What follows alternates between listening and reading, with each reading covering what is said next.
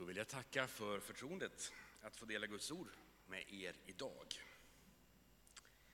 Och jag vill också tacka Anton för diskussionerna innan och min smågrupp också, som också varit med och deltagit i utredandet av vad det här ska handla om idag. Vi ber tillsammans. Gud, vi tackar dig för att du vill tala till oss och vi får lyssna till dig. Herre, öppna våra öron och våra sinnen idag för att ta emot vad du vill ge oss. Amen. Min röst är lite beslöjad idag, men eh, jag hoppas att det inte ska bli allt för mycket hostningar. Vi har ett tema här i kyrkan under våren som utgår från Markus evangeliet och rubriken är då, huvudrubriken är Inom räckhåll. Och det syftar på ett citat eh, i Markus evangeliet som, som lyder Tiden är inne, Guds rike är nära. Och eh, när man säger tiden är inne, Guds rike är nära, så tänker man att det ligger nära i tiden. Vi ska ha en litet annat perspektiv på närheten idag. Därför att tänk, jag tänkte att vi skulle titta på tillhörigheten till Guds rike. Förmågan att ta till sig Guds rike och att leva i Guds rike. Och frågan är, hur kan Guds rike bli en del av oss på djupet? Jag skulle formulera en liten eh, ja, definition på Guds rike för dagens predikan som jag skulle vilja utgå ifrån när vi går igenom texterna för dagen. Guds rike är en gemenskap av människor som utför sin uppgift för världens skull. Guds rike är en gemenskap av människor som utför sin uppgift för världens skull. Det är om den här tillhörigheten vi ska tala idag. Jesus säger att Guds rike, det ligger inte där eller där, utan det uppstår i relationerna mellan oss människor. Snacka om att det är nära oss. När du och jag möts och säger hej till varandra så kan Guds rike få uppstå om Guds rikes principer får råda i våra relationer. Guds rikes principer handlar om öppenhet för varandra. Det är ingen sekteristisk eh, rörelse. Det handlar om respekt för alla människor, att se alla med lika värde. Det handlar om nåd och sanning, att vi bräckliga människor i en bräcklig värld, ja, det är en insikt vi behöver ta till oss, men det finns också nåd som helar våra brister. Och allt det här har sin rot och grund i Guds kärlek genom Jesus Kristus. När sådana relationer råder mellan oss människor, ja, då är Guds rike där. Men Guds rike är inte bara relationer, det är också ett uppdrag. Och det är för världens skull. Förra veckan pratade Anton om eh, att Guds riket var som ett senapskorn som skulle växa och föröka sig. Och från att ha varit ett av de minsta eh, organiska materialen som fanns så kunde det bli ett av de största. Guds rike har en växtkraft. Guds rike vill växa och inkludera fler och fler människor. Som församling har vi tagit till oss det här. Vi har en vision som säger vi vill vara en levande, växande Kristusgemenskap. Gemenskapen var relationerna och växandet var ju det här med senapskornet. Men Guds rike är inte bara en församlingsfråga som vi beslutar om på församlingsmöten, eh, höll jag på att säga, utan Guds rike är också en individuell fråga. Hur vill jag ta till mig detta Guds rike? För några dagar sedan så hade vi en liten övning på jobbet eh, där vi fick 20 spagettistrån, en meter tejp och en marshmallows. Och vi skulle bygga ett så högt torn som möjligt och på toppen av tornet skulle den här marshmallowsen sitta.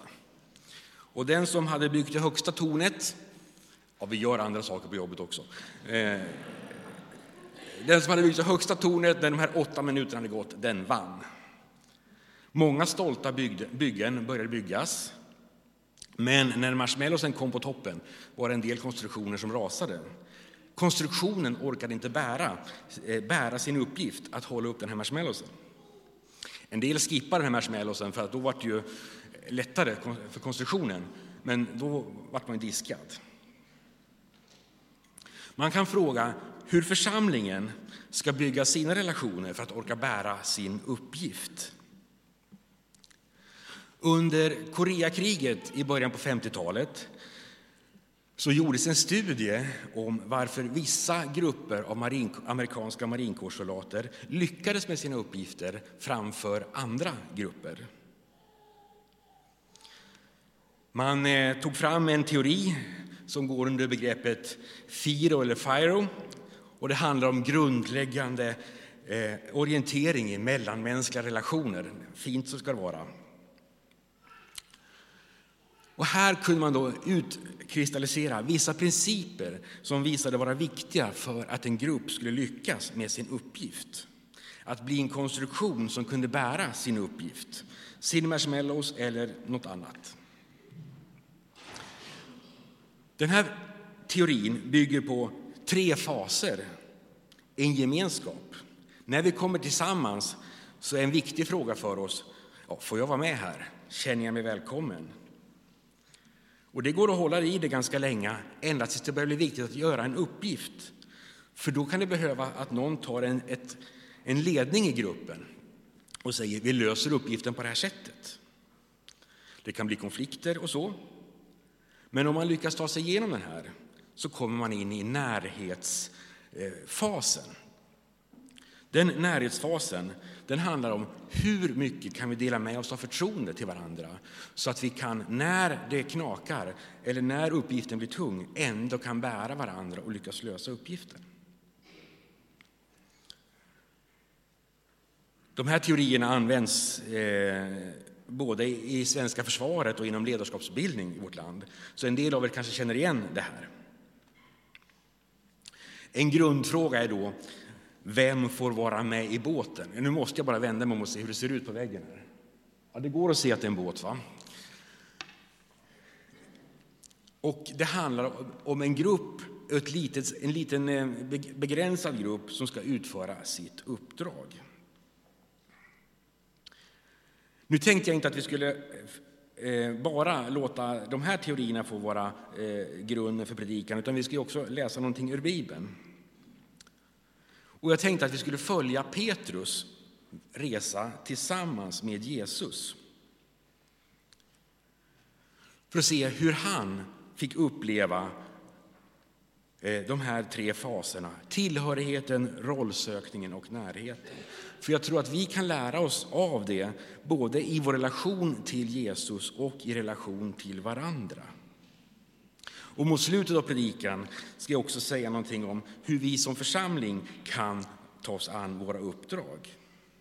Hur ska vi bygga vår församling så att vi kan bära den uppgift vi har fått? Texterna för idag är hämtade ur Markus evangeliet, men för att få en lite mer helhet i den här berättelsen så börjar vi lite innan. Vi kommer snart till de texterna som gäller för dagen. Petrus och Jesus börjar sin relation i den här tillhöra-fasen med att Jesus kallar Petrus som lärjunge. Och som jag sa alldeles nyss, den grundläggande frågan är, får jag vara med i den här fasen? Och, Petrus säger, och Jesus säger till Petrus, följ mig. Petrus, eller Jesus välkomnade Petrus in i gemenskap. Bilden visar att man ska kliva i båten, men i bibeltexten så står det att, Jesus läm eller att Petrus lämnade sin båt. Så att, ja, ni får, ibland så kanske bilderna krockar lite grann. Men han bytte båt skulle man kunna säga för att flytta till den båt som Jesus styrde för att bli människofiskare. Han blev omvänd. En annan episod som vi många känner till från Bibeln det är att Jesus gick på vattnet och vad hände då? Jo, Bibeln berättar att Petrus han vill återigen kliva ur båten för att gå Jesus till möte. Han var ivrig att lära känna denne. Han ville tillhöra Jesus. Han jobbade verkligen på att tillhöra. Då börjar vi närma oss dagens, en del av dagens bibeltexter. Här kommer vi att läsa om att Jesus, eller Petrus kallar Jesus för Messias. Nu var det inte bara en längtan att få vara med, han hade också förstått vem Jesus var, vem, vad uppdraget innefattade. Att Jesus var Messias, världens frälsare. Vi läser texten. Sedan gick Jesus och hans lärjungar bort till byarna kring Caesarea Filippi. Och det är Israels motsvarighet till vårt Norrland kan man säga. På vägen frågade han dem, vem säger människorna att jag är? Det svarade Jesus, eh, Johannes döparen, men somliga säger Elia, andra att du är någon av profeterna. Då frågade han dem, och ni, vem säger ni att jag är? Och det är då svaret kommer från Petrus, du är Messias. Men Jesus förbjöd dem att strängt tala med, något, med någon om honom.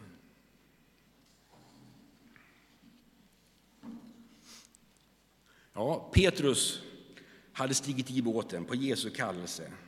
Han hade förstått att Jesus var Messias. En Messias, en frälsare, en räddare som Israels folk hade längtat efter under hela sin existens. Och Petrus hade förstått vem Jesus var. Jesus bekräftade också Petrus Läser vi parallellstället i Matteus så står det där att Jesus sa att du ska bli grundaren för församlingen. Du ska vara ledare av församlingen. Så nu var verkligen Petrus på topp. Han hade kommit in i den mellanfas som kom, ligger då, som kallas för gemytet. Fantastiskt, flow, jag är på gång. Petrus var på topp. Han hade fattat vem Jesus var. Petrus då hade ingen aning vad som låg framför honom. Han hade visserligen förstått vem Messias var, men inte hur vandringen med honom skulle gestaltas. Han var nu på väg in i rollsökningsfasen.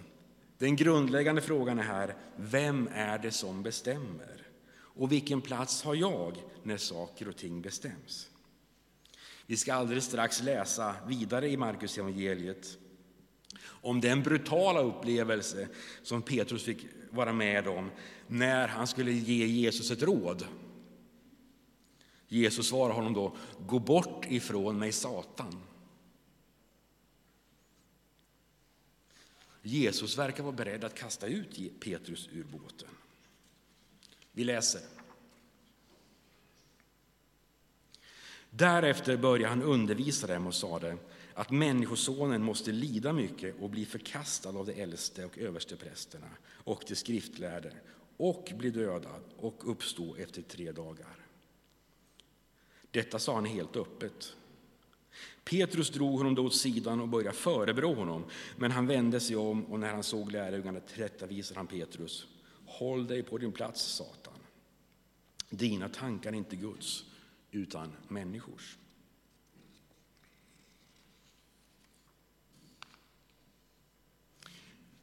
Gemytet var över, myset var över. Nu var det hårda bandage. Hur kunde det vara möjligt att den som visste vem Messias var blev så förkastad? Han skulle ju till och med bli församlingsledare. Hur skulle det här gå?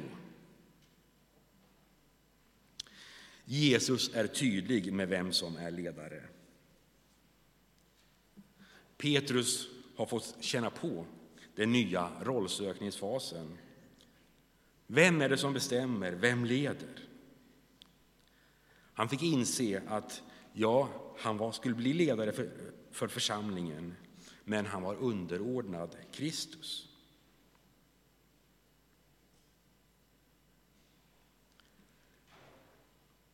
Rädsla och bekvämlighet är inga ledord i Guds rike. Det var nog därför som Jesus sa det han sa till Petrus. Jesus visste att det skulle sluta med döden när han vände tillbaka till Jerusalem. Men Petrus ville inte att Jesus skulle hamna i den situationen. Bibeln säger att Guds rike bygger inte på rädsla. Bibeln säger att Guds rike bygger på kärlek. Motsats till kärlek är inte hat, utan rädsla. Kärleken bygger broar mellan människor. Rädslan bygger murar mellan människor. Och Guds rike vill bygga broar mellan människor. Då kan man tänka sig att ja, men nu är det väl över då. Nu har Petrus fattat det här, men det var definitivt inte över. Jesus ställer högre krav, eller tuffare krav kanske vi ska säga, på sina lärjungar. Och det är inte bara Petrus som utmanas, utan vi ska säga att det står att allt folket utmanades också. Vilket då betyder hela församlingen här, i alla generationer och tider. Det räcker inte med en insikt om vem Jesus är och det räcker inte med att det finns en uppgift. Det, det räcker inte med att, det finns, att man har en insikt om vem Jesus är. Det finns också en uppgift att utföra. Konstruktionen vi bygger, relationerna vi bygger, ska orka bära sin marshmallows, om vi ska ta den bilden. Eller marinkårssoldaterna ska klara sitt uppdrag. Eller församlingen ska ta sitt uppdrag på allvar. Jesus säger i den text vi snart ska läsa att vi ska ta vårt kors på oss. Och det ordvalet indikerar ju att uppgiften inte kanske är någon världslig framgångssaga precis. Och Jesu liv bekräftar ju det att det var inte en stor seger i världslig mening han gjorde, utan den slutade på ett kors, eller snarare med en uppståndelse. Låt oss nu läsa om vidare i texten, där Jesus säger att vi inte vi ska inte skämmas för honom. Konsekvensen av skammen inför Jesus är verkligen inte lätt att förstå. Låt oss läsa texten.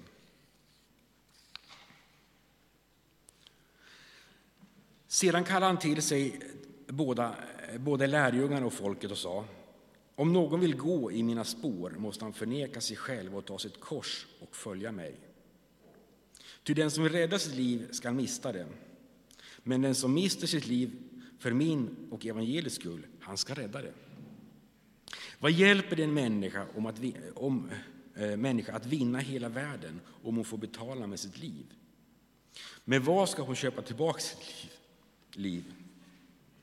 Den som skäms för mig och mina ord i detta trolösa och syndiga släkte, honom skall också Människosonen skämmas för när han kommer i sin faderskärlighet med de heliga änglarna.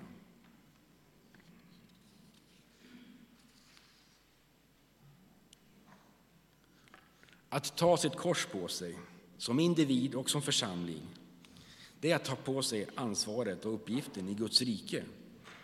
En uppgift som är till för världens skull. Jesus lockar inte med världslig framgång. Nej, tvärtom. Det finns ett löfte.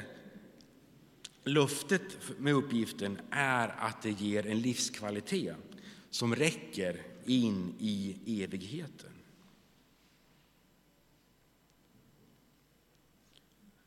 När Jesus säger att vi inte ska skämmas för honom så brukar jag ibland tänka på, ja, OS var ju ganska nyligen och efter eh, skidlöparna går i mål så brukar de dra upp skidorna på sidan så här och så står de och flåsar och så frågar sportreporten eh, så här, ja, hur känns det? Och de flåsar lite grann och sen så säger de att jo, det känns bra. Men skidorna står här och så står det säkert något skidmärke också. Och varför? Jo, man är ju sponsrad man har ett uppdrag att visa för vem man, vem man arbetar. Så visst är Jesu krav rättmätigt. Han som vill sponsra vårt liv med en kvalitet som räcker in i evigheten. Ska det då vara, borde det inte då vara en bra deal att vi vågar stå för detta? Det borde vara ett rättmätigt krav från en sponsor. Ändå kan det vara lätt att hamna i läget då jag känner att jag inte vågar stå upp. Det grymma i den här texten är att Jesus säger att om ni skäms för mig, ja då ska jag skämmas inför, eh, inför Fadern när jag pratar om er. Det är en fantastiskt svår och jobbig formulering. Det här var den sista delen av den text som var för dagen. Det känns väldigt tungt att sluta här. Så jag fortsätter.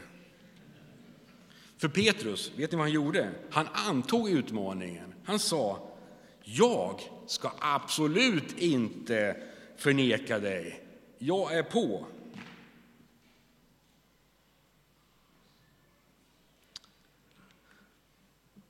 Petrus ställer upp på Jesu krav. Men Jesus, som har varit med, han svarar, jag ska be för dig Petrus. Och det som händer är att i samband med att Jesus fängslas i, vid påsken, det är att Petrus blir eh, tillfrågad av en ung kvinna. Men du känner väl Jesus? va? Och Petrus svarar nej tre gånger på att han inte hade en, inte minsta samröre med Jesus. I den pressade situationen och i hans relativt unga tro så orkade han inte med sin press.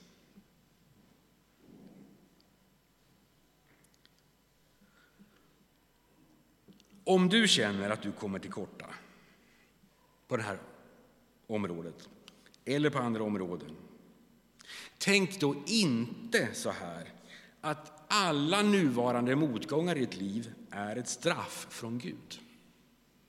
Så är det inte. Motgångar drabbar alla. Och kom ihåg att det var ju inte en, ett, ett löfte om ett framgångsrikt liv som var vägen, utan det var ju korsets väg. Jobbiga omständigheter är inget mått på Guds bristande omsorg. Möjligen kan bristen på, ett mening, på meningsfulla stunder i livet vara ett mått på vår rädsla. Att vi inte vågar ta tillfället. Men bristen, eller motgångar är definitivt ingen, är ingen mått på Guds bristande omsorg. Många brukar säga så här, ja, det här har jag fått för mina synder. Och då tycker jag det är ett bättre sätt att tänka. Att lyssna på den argumentationen. Man säger, ja nu fick jag, nu hände det här och det är på grund av att jag gjorde det här. Det viktiga då är att lyssna på sin egen argumentation. Varför har jag fått det här? Jo, det är någonting som talar till mig att det här inom mig är inte bra. Om det, har en, om det är kopplat till den konsekvens som har drabbat mig eller inte, det kan jag inte svara på. Men den rösten som finns inom dig som säger det här borde jag rätta till. Ta vara på den. Ta hjälp av någon vis människa som kan vägleda dig så att du slipper döma dig själv.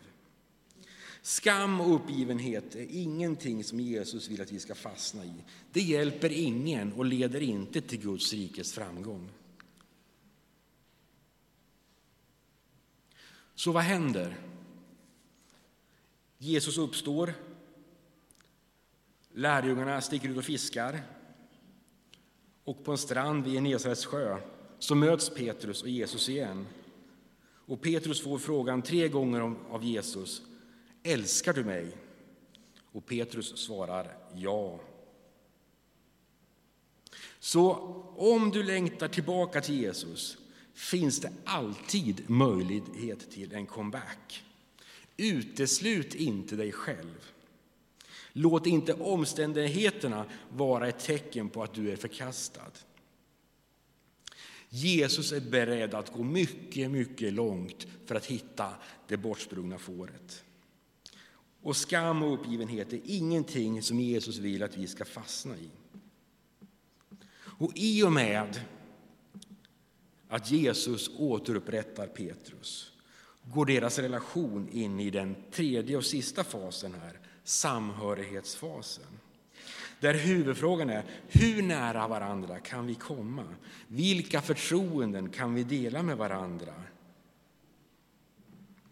Och var och en som har levt i relationer av olika slag vet att efter en konflikt där försoningen får komma igenom så är det oerhört bra grund för ytterligare djupa förtroenden.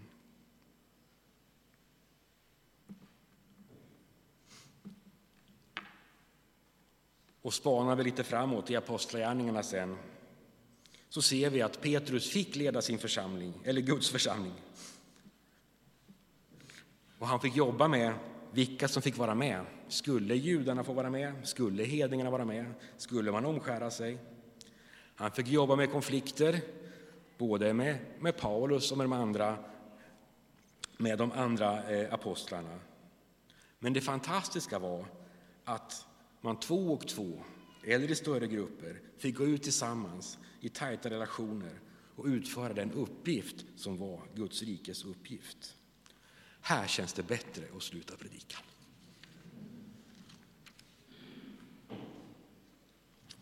Det finns några frågor sen som ligger på borden. Jag skulle bara ge ett litet tips till den sista frågan. Hur kan vi som församling arbeta med att fördjupa gemenskapen så att vi bättre kan utföra våra arbetsuppgifter för världens skull? Och jag skulle vilja att ni tänkte smågrupper. I en stor gemenskap är det många som kommer och går. Gruppen ändras hela tiden. Det är svårt att få den nära och djupa gemenskapen. Ibland brukar jag säga att det är lite av mingelgemenskap här i gudstjänsten. Jag tror den är viktig. Men det finns också andra behov i, vår, i gruppen här. Att få dela livets allvar och glädjeämnen, men också få vara del av Guds rikes uppgift. Ja, hur ska vi kunna lösa det? Det får vi diskutera vid kaffeborden sen. Tack Gud att du alltid ger oss en andra chans. Du vill komma oss nära. Trots våra svagheter så är din nåd större. Herre, hjälp oss att komma nära varandra som församling och på ett bättre sätt utföra uppgiften för världens skull. Amen.